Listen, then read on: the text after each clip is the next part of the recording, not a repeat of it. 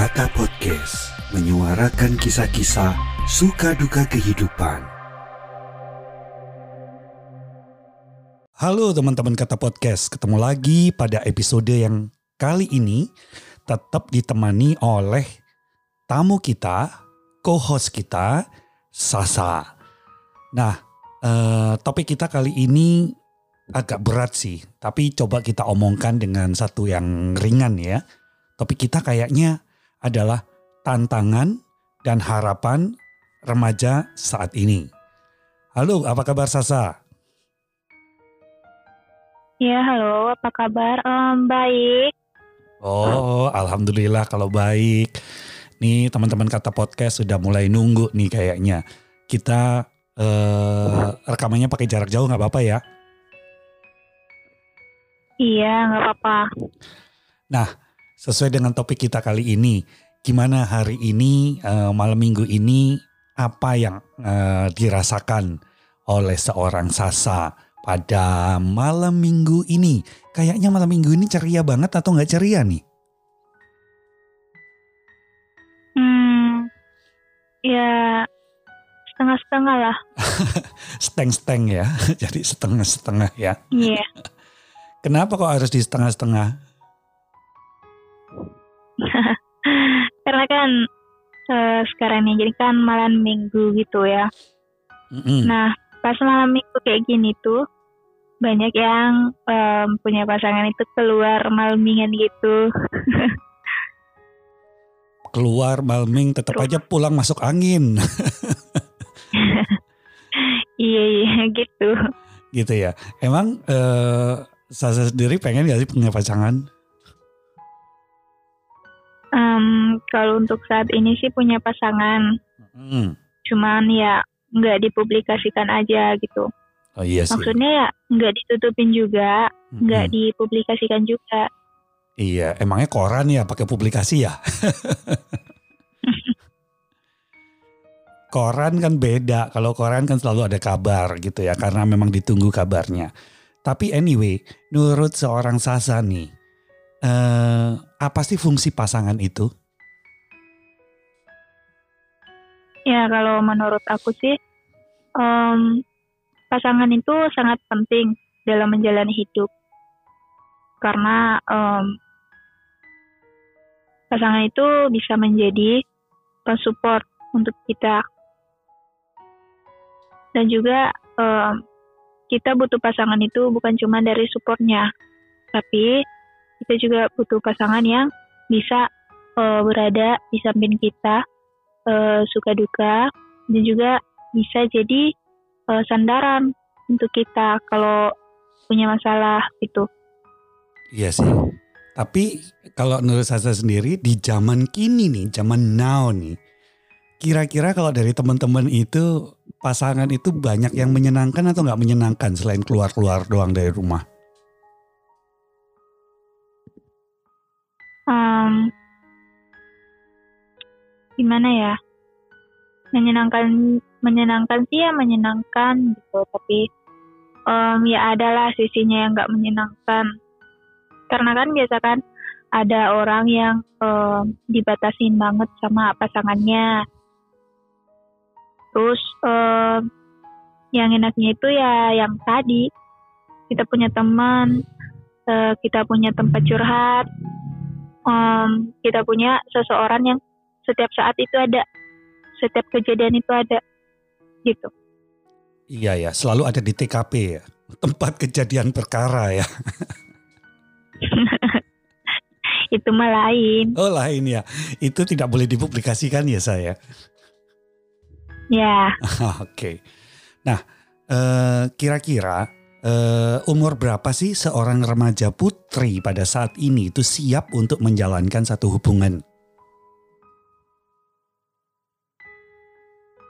menjalankan apa tadi?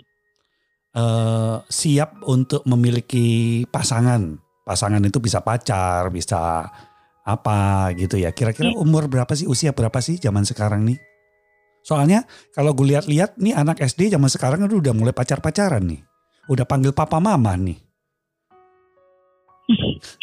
Nah, itu. Ya kan gila Jadi juga kan. sekarang itu Iya, iya sih ya, Mas.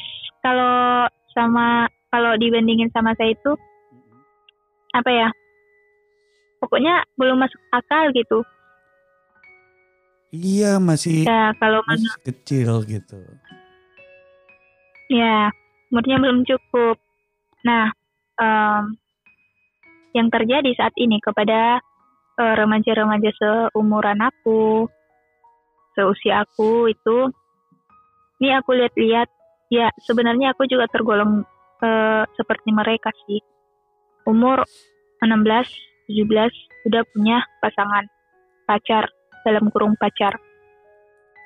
Nah, sebenarnya menurut saya em, pasangan untuk mereka yang masih berusia seperti saya, masih berusia eh, sekitar 16-17 itu, itu eh, sangat penting, apalagi mereka yang broken home kayak aku,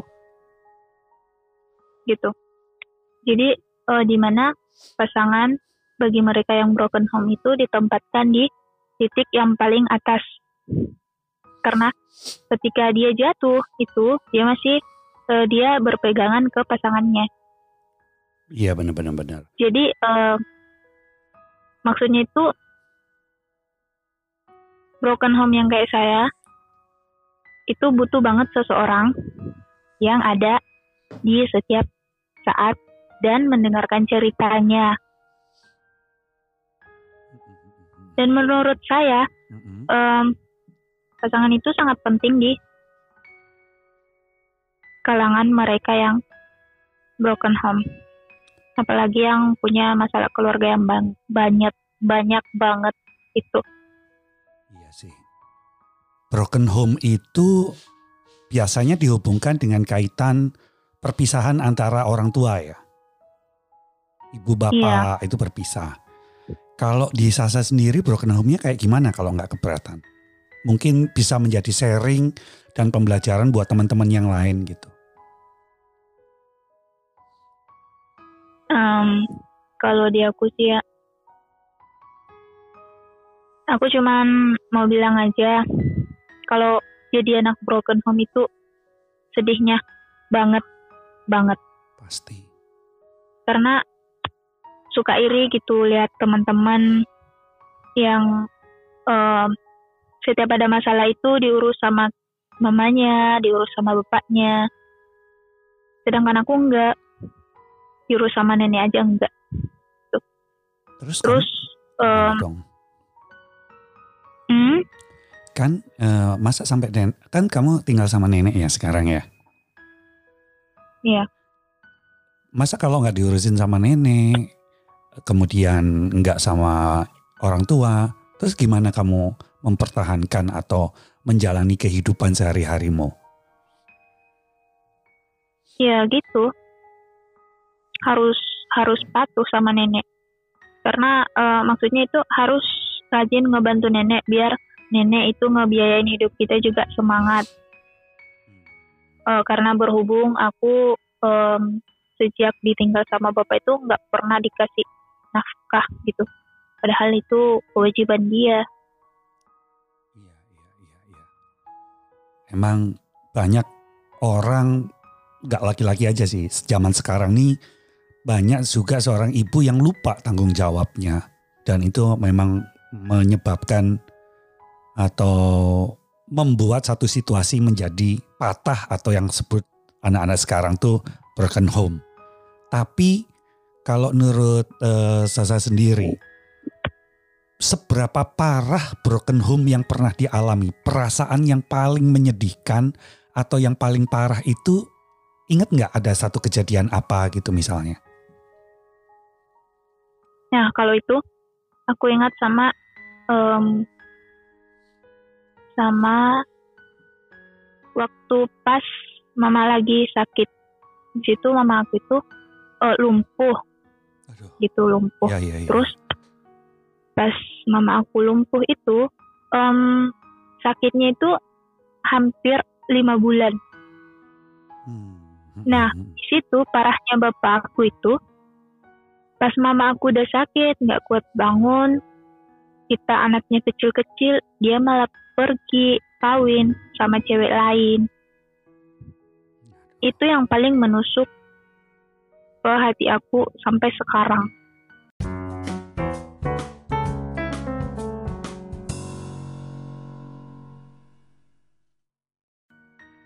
Iya, iya, iya. Ya. Karena karena aku bilangnya gini, kalau bapak aku udah nggak cinta sama mama aku, setidaknya dia mikirin kita, anak dia, gitu. Dia mikirin, oh nanti kalau aku nikah lagi, anakku yang kasih makan siapa, anakku yang kasih uang siapa, yang kasih dia kasih sayang seorang ayah siapa, gitu. Bapak aku nggak pernah mikir bilang, anak aku masih butuh kasih sayang. Umurnya masih segini masih butuh kasih sayang dari seorang bapak. Enggak sama sekali enggak. Jadi aku kecewa sampai sekarang. Dari waktu aku umur eh, tujuh tahun enam tahun kalau nggak salah aku udah ditinggal sama bapak. Sampai sekarang sampai aku besar menginjak ke kelas 1 SMK belum pernah dikasih uang sepeser pun. Tapi pernah ketemu? Ditengok? Pernah gitu? ketemu sih, cuman satu satu kali aja. Semenjak uh, ditinggal pada tahun itu, Mm -hmm. baru satu kali ketemu pas udah besar. Ada perasaan apa waktu ketemu? Ya perasaannya itu berat banget, pengen peluk gitu. Tapi pas aku pengen peluk itu yang tertindas di pikiran aku ya kejadian beberapa waktu yang lalu. Mm -hmm. Itu yang bikin aku sakit banget. Ya, apa ya? Bimbang gitu. Aku sempat um, jujur aja ya, Mm -hmm. aku sempat ngebayangin gimana bahagianya orang tua aku nantinya kalau aku udah sukses bisa kasih uang kerja aku ke mereka. Dan nyatanya itu semua hancur gara-gara bapakku sendiri. Ya, Dia yang bikin aku kecewa sama dia. Dan semua ekspektasi yang sempat aku bangun itu rubuh, rubuh, serubuh-rubuhnya. berat emang. Ternyata setiap orang itu punya permasalahannya yang cukup berat. S- eh, setelah sekian tahun, lalu apakah harapan dan mimpi kamu itu berubah menyesuaikan dengan keadaan atau kamu masih memiliki satu mimpi dan harapan yang sama?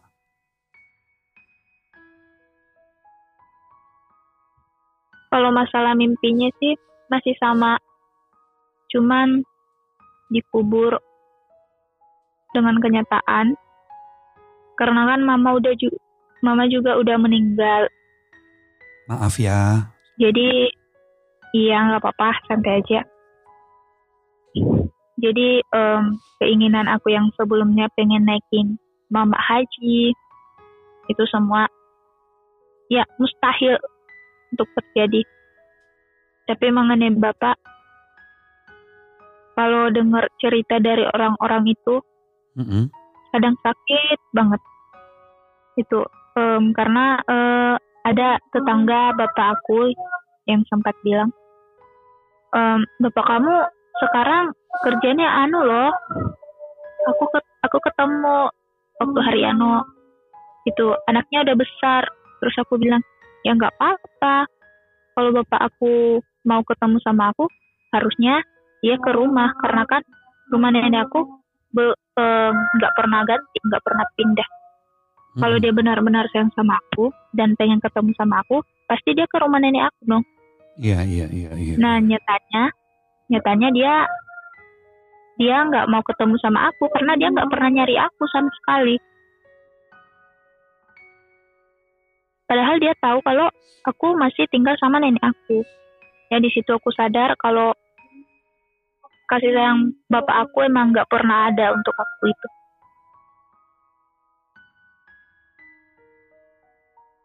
Iya. Jauh di dalam lubuk hatinya gue percaya masih ada. Mungkin kita yang harus banyak berdoa sama Tuhan kali ya. Supaya hatinya dibuka, hatinya diingatkan kembali, hatinya yang kering dibasahi. Karena bukankah dalam saat ini kita nggak bisa ngapa-ngapain selain berharap? Gitu nggak kira-kira?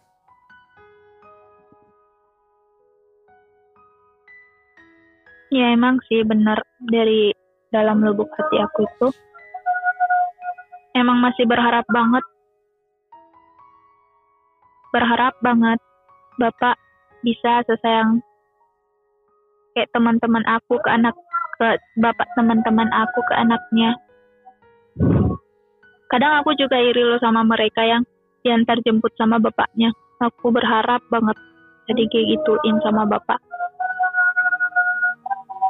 Kalau masalah um, memaafkan sih ya, aku nggak jamin.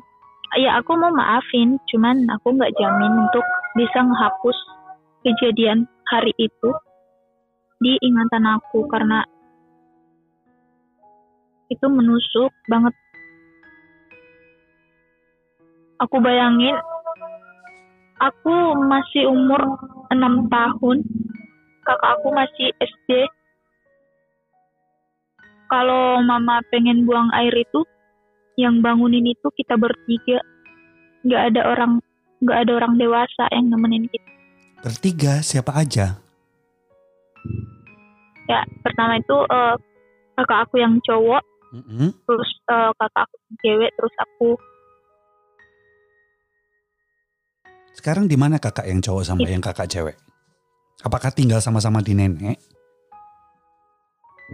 Kalau kalau yang cowok itu uh, ngikut sama bapaknya kalau yang cewek itu udah berumah tangga ikut sama suaminya Oh gitu. Ya ya ya ya. Tapi hubungan kalian cukup baik nggak antara kakak cowok sama kakak yang cewek? Kamu terutama. baik banget baik kami tuh saling membuka kalau punya masalah itu nggak ada yang ditutupin. Kayak aku kalau aku punya masalah yang paling pertama tahu itu kakak cewek aku. Tinggalnya jauh dari tempat nenek yang sekarang. enggak kalau yang cowok itu ikut bapaknya ke Makassar. Terus eh, yang cewek itu cuman beda kecamatan aja Bapaknya, bapaknya itu berarti bapakmu yang dulu ninggalin kamu itu. bukan jadi mama aku itu eh, nikahnya dua kali Oh ya ya ya ya ya. Ya ya ngerti ngerti. Paham paham paham paham.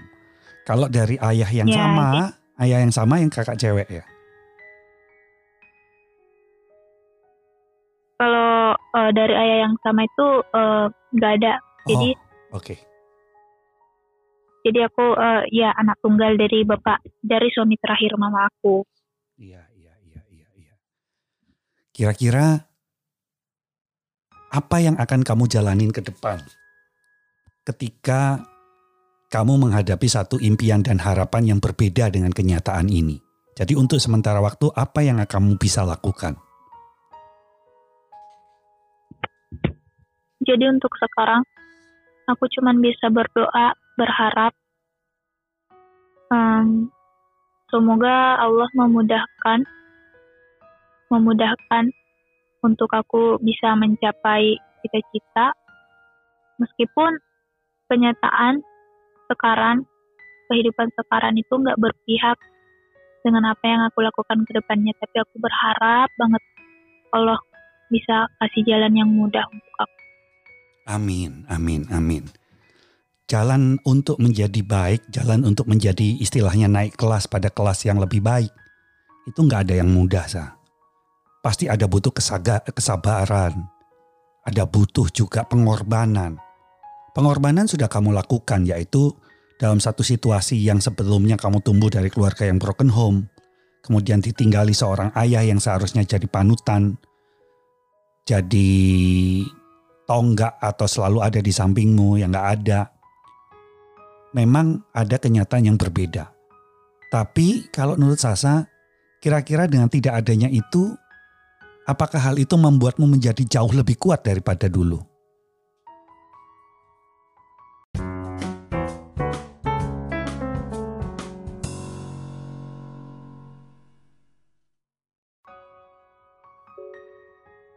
Jadi, uh, alhamdulillah dengan terjadinya peristiwa itu ke dalam kehidupan aku, dari situ aku belajar. Dari situ um, aku ngerasain apa yang teman-teman aku rasain sebelumnya. Ternyata jadi anak broken home itu nggak semudah yang aku lihat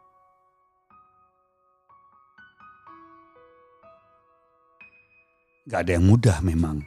Pasti mereka membutuhkan namanya kasih sayang itu pasti dibutuhkan. Karena itulah yang menguatkan jalan untuk mencapai impian-impian yang selanjutnya. Maka gue ngerti sih kalau tadi misalnya uh, saya bilang bahwa perlu seorang pasangan yang bisa diandalkan baiknya, bukan diandalkan buruknya ya. Kalau buruknya sih banyak ya. Nah, zaman sekarang mah kalau mau buruk-burukan banyak banget gitu ya. Dari SMP udah pada hamil juga banyak gitu ya. Kira-kira kayak gitu ya. Nah, kuat nggak kamu ngadepin ini? Alhamdulillah um, sampai sini masih kuat. Yang semoga ke jalan-jalan selanjutnya Sasa terus kuat. Amin. Ya, meskipun terkadang Sasa overthink sih. Iya. Biasa keingat dengan apa ya? Terkadang Sasa ngerasa Tuhan gak adil gitu. Tapi um, sesadar dari tuduhan tadi itu Sasa beristighfar ya Allah maafkan Sasa yang sudah menuduh engkau tidak adil padahal sesungguhnya engkau maha adil. Iya.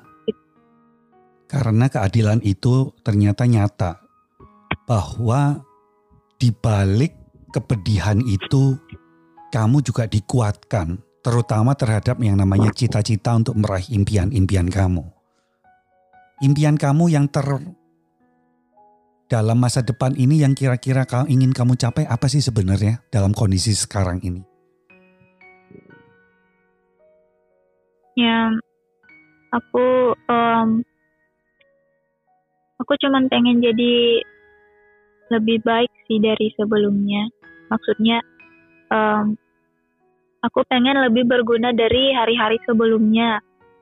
Aku pengen bisa membantu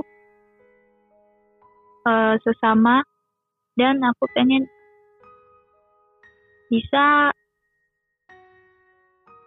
aku pengen bisa membantu mereka ya memerlukan bantuan aku gitu. Iya. Melalui podcast kamu juga bisa membantu kok. Hanya memang butuh waktu, tapi kalau selama kita konsisten itu akan membuat banyak membuat kamu lebih percaya diri bahwa ini juga membantu teman-teman. Mungkin di luar sana banyak teman-teman remaja lain yang sedang mengalami broken home tapi pura-pura bahagia. Betapa banyaknya orang yang masih berpura-pura. Mereka broken home, mereka menangis dalam hatinya. Tapi mereka tutupi dengan pura-pura senyum, pura-pura tertawa, bergaul dengan teman-temannya ada yang pura-pura masih bisa mabok, mabok-mabokan, ke sana kemari nggak jelas, hanya untuk menutupi perasaan yang sesungguhnya. Apa yang disampaikan Sasa tadi adalah satu-satu penggal kisah kecil yang akan kita lanjutkan dalam episode berikutnya. Di mana kita akan bercerita bagaimana kita menguatkan ketika ada satu dilema antara broken home, antara impian dan fakta. Sasa, gue percaya Sasa seorang yang sangat kuat sekali, dikuatkan oleh kenyataan. Kenyataan itu pahit, tapi itu akan membuat kuat. Ada pesan-pesan nggak untuk teman-teman di sana yang lagi dengerin kita saat ini? Um, pesan dari aku sih buat kalian yang broken home itu tetap semangat, jangan putus asa, Jangan karena papa mama kalian sudah berpisah lantas kalian menelantarkan kehidupan kalian ke depannya. Jangan sampai kalian terjerumus ke dalam lubang hitam, terutama ke dalam yang namanya narkoba. Jangan sampai. Buat kalian yang broken home itu jangan bilang karena papa mama kalian udah nggak satu rumah lagi lantas kalian menelantarkan masa depan kalian. Jangan buktikan buktikan sama bapak mama bapak kalian kalau kalian itu bisa.